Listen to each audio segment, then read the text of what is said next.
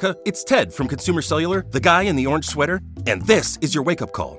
If you don't have Consumer Cellular yet, now is the perfect time to switch and save. For a limited time, new customers can get wireless service for as low as $15 a month for your first year. Yep, the same exact nationwide coverage as the leading carriers for $15 a month for an entire year. What are you waiting for? Call 1 888 freedom or visit consumercellular.com and use code radio15. See consumercellular.com slash first year 15 for promotional details.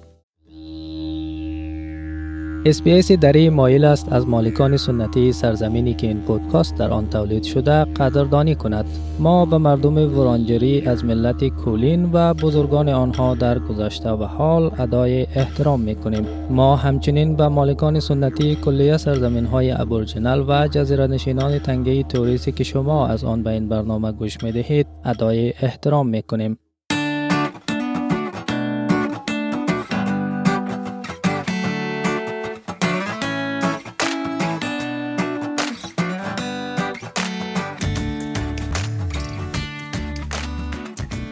آیا گاهی شده است که فرزندانتان از مکتب به خانه آمده باشند و از خود پرسیده باشید که چرا هیچ گونه کارخانگی به آنها داده نشده است؟ باید بگویم که شما تنها نیستید.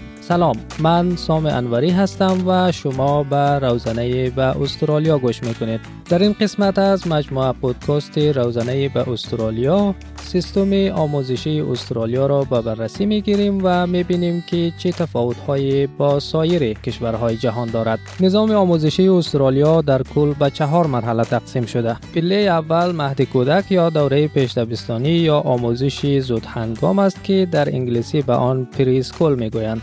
این دوره برای اطفال زیر 5 سال است. آموزش زود هنگام یک عامل تاثیرگذار در رشد و توسعه کودکان است و آنها را برای به اصطلاح مکتب اصلی آماده می سازد. فایده دیگر مهد کودک این است که به والدین و سرپرستان آنها اجازه می دهد که زودتر بر سر کارشان برگردند. بعد دوره ابتدایی می آید که از حدود پنج سالگی آغاز می شود و از کودکستان یا کیندرگاردن تا سنف ششم را در بر می گیرد. سپس نوبت به دوره متوسطه یا دبیرستان یا همان های سکول می رسد که از سنف هفتم از سنین دوازده یا سیزده سالگی شروع می شود و تا سنف دوازدهم که دانش آموزان به حدود 18 سالگی می رسند ادامه می یابد. سکینه صابری معلم سابق در شهر شپرتون ایالت ویکتوریا سه دوره اول آموزشی در استرالیا را این گونه خلاصه می کند. اول بچه کندگاردن مره مهد کودک میشه بعدا امی پرایمری سکول ما که از سنفی اول تا ششم است بعد از او که باز مرحله های سکول ما که بالاتر است از سنفی هفتم تا دوازدهم است پله چهارم و آخر دوره آموزش عالی یعنی دانشگاه و آموزش فنی حرفه‌ای یا به اصطلاح تیف است. دانش آموزان بعد از فراغت از مکتب مطابق علاقه و برنامه های شغلی آینده خود رشته را برای تحصیل انتخاب می کنند. آنها می توانند در سطح گواهی یا سرتیفیکت یا لیسانس تحصیل کنند و بعد اگر خواستند می توانند تحصیلات خود را تا مقاطع ماستری و دکترا ادامه بدهند. این بدان معناست که افراد بزرگسال هم می توانند در دانشگاه ها و مراکز آموزش فنی حرفه‌ای یا تیف ها تحصیل کنند. به ویژه اگر خواسته باشند تغییر شغل بدهند. حالا می رسیم به سوالی که در آغاز مطرح کردیم. دلیل این که فرزندان شما بدون کارخانگی از مکتب به خانه می آیند چیست؟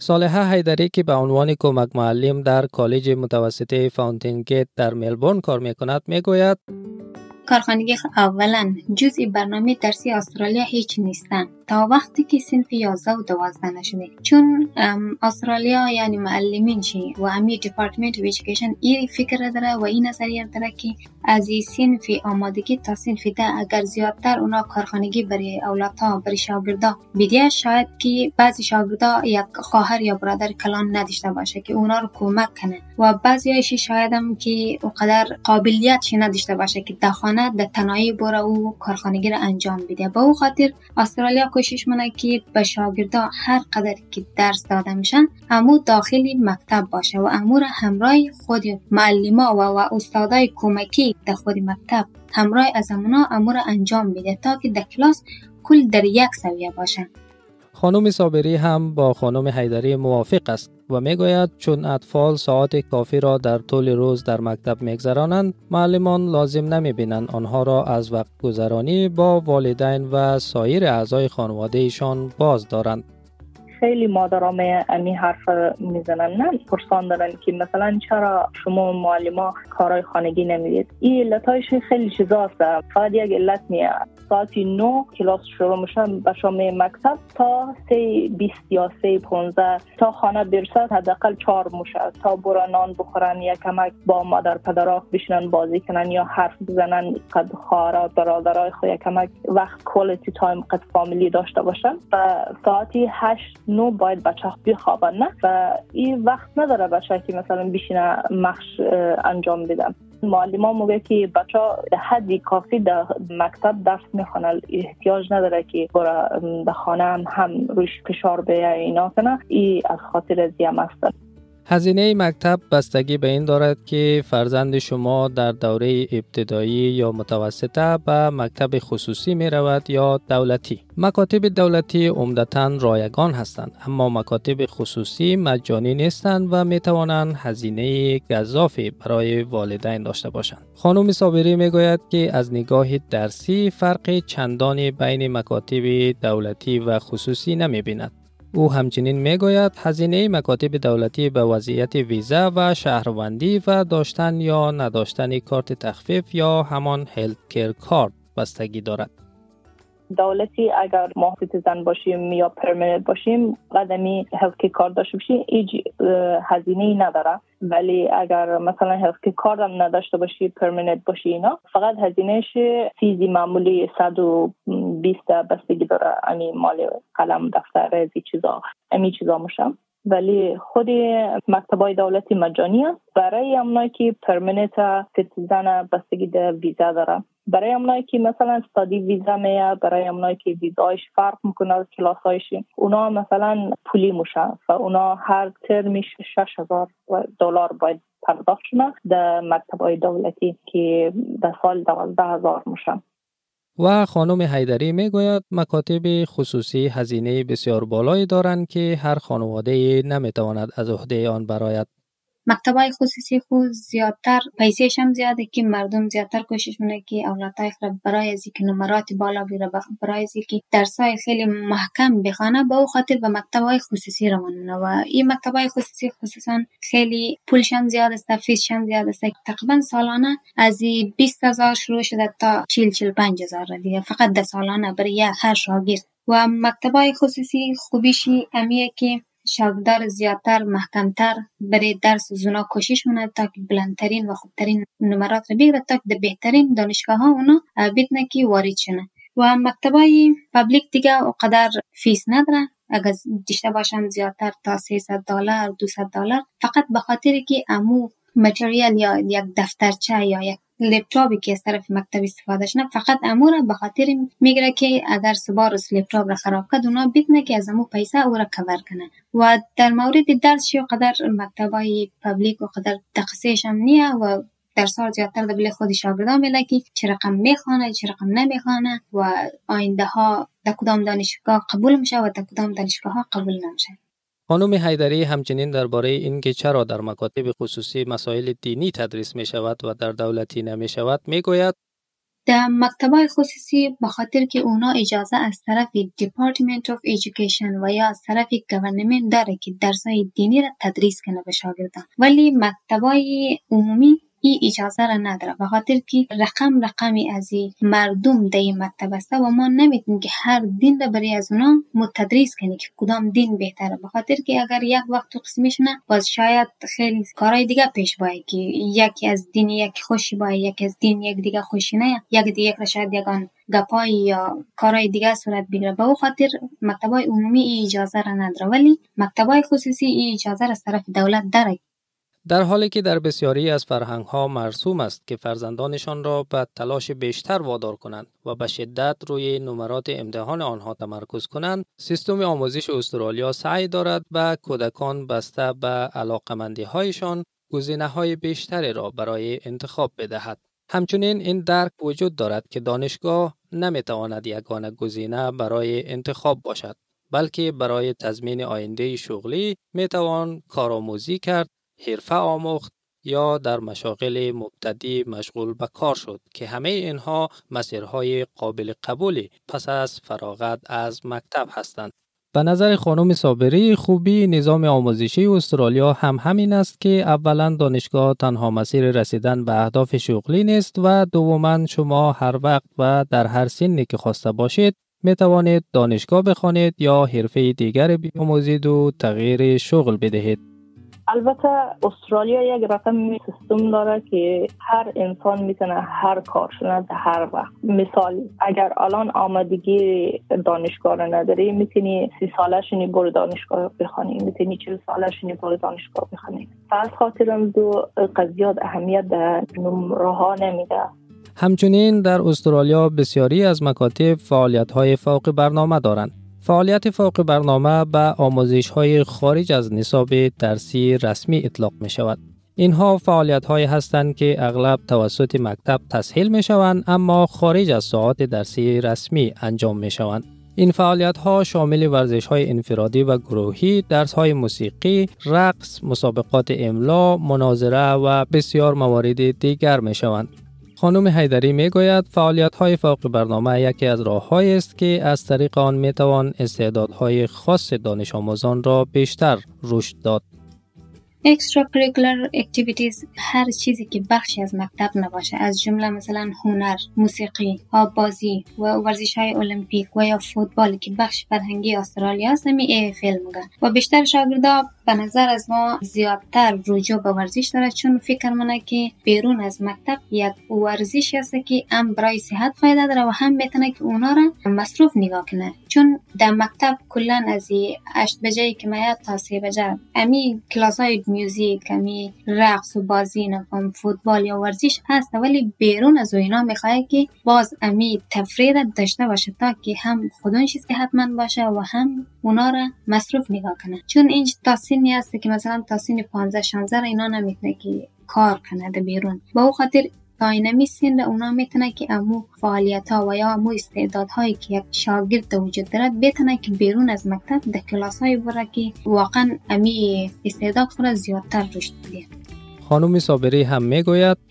اونطور اکتیویتی ها بستگی داره بعضی بچه ها در ورزش خیلی خوبه. مثلا در فوتبال خیلی خوب است از خاطر که در هفته یک ساعت فقط ورزش دارن و این بچه مثلا اگر در ورزش خیلی خوبه در فوتبال خیلی خوبه یا در هر هنری یا در میوزیک یا در نقاشی یا در هر هنری دیگه این اکتیویتی که بعد از ساعت مکتب گذاشته میشه برای از او بچه ها که بیشتر روی از او سکیل خود مهنت انجام بده که بهتر شونه با بهتر شونه اگرچه برخی از های مکتب راحت و دوستانه است اما هنوز برخی رسمیات در مکاتب استرالیا وجود دارند. یکی از این رسمیات این است که معمولا معلمان را با نام خانوادگیشان صدا می‌زنند. مثلا می‌گویند خانم حیدری یا آقای بولتون. با این حال وقت دانش آموزان بالغ می شوند و به سطح دانشگاه می رسند استادان و مدرسان آنجا دوست دارند با نام کوچکشان صدا شوند.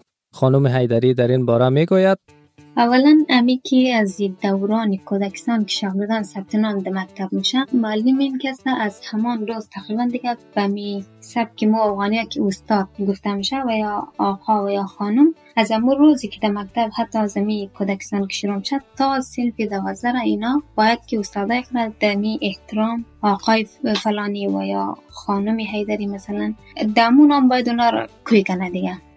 خانم حیدری همچنین درباره رفتار و حرکاتی که در مکاتب استرالیا به احترامی به معلم تلقی می شوند می گوید چیزهایی که به احترامی به یک معلم در اینجا حساب میشه خب اولا که یک رفتاری بدرقه میگه در مقابل یک استاد میشه شامل اظهارات منفی و پیروی نکدونی امی شاگرد چیزی که استاد میگه و اونا پیروی نکنه و یا غلط زدن چشم و یا دادن انگشت به طرف معلم و یا ساخت چهره پشت سر یک معلم کلش نشانه به احترامی میشه.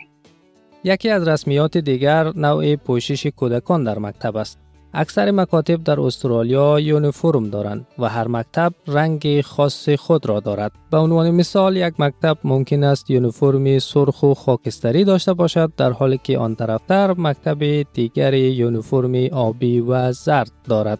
خانم صابری درباره دلیل تنوع یونیفرم مکاتب در استرالیا می گوید یونیفرم بستگی در مکتب دارم. هر مکتب در استرالیا معمولا همش یونیفرم بپوشن این هم علت های زیاد دارم. یک علتی که وقت بیشتر موقع اینا تفریح بیرون مرن اینا مرن. یا مثلا اکتیویتی سپورت زیاد میشه بین مکتب های دیگه. و هر مکتب از خود خود یک رقم کالا داره که معلوم شده که این شاگردا تمامش از این مکتب هستن. البته در بعضی روزها و مناسبت های خاص پوشیدن یونیفرم اجباری نیست که به آن روز mufti یا mufti day می گویند. خانم حیدری درباره روز mufti می گوید mufti day روزی است که شاگردان یونیفرم مکتب را نموشن و این mufti day که است زیادتر روزایی است که مو برای fundraising fundraise منی و شاگردار میگه که شما امروز هر چیز که پوشیدین بپوشین ولی gold coin یا امو یک دلاری که می‌تونین بایدین در مکتب و مکتب برای جمع تا که برای organisation مو که اونا رو کمک کنی. یکی و دومی دیگه بعضی وقت هست که یک روزی فرهنگی مثلا روزی نوروز. بعضی مکتبایی را به خاطر افغانی ها این روز را میگن مگه چون ای سالی نو از اینا است؟ خب خیر یک روز را مو برای زمینا ترجم دی که امینا همراه کلی مکتب امی روز را celebrate کنه و به او خاطر هم مو امی روز را برای زمانا می‌تونی که اجازه بده که اونا لباس های خانگی خود را بپوشن و هر چیزی که دمی یونیفرم و پلیسی مکتب نباشه اونمو روز را مفتی میگه برای شاگرد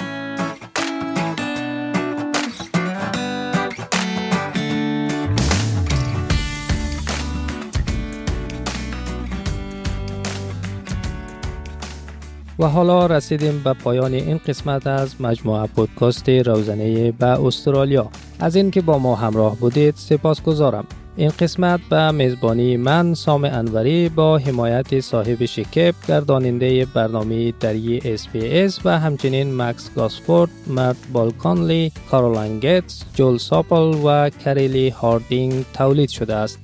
مجموعه پودکاست روزانه به استرالیا در اصل زیر عنوان Australia Explained توسط مرام اسماعیل برای SBS Arabic 24 تولید شده بود.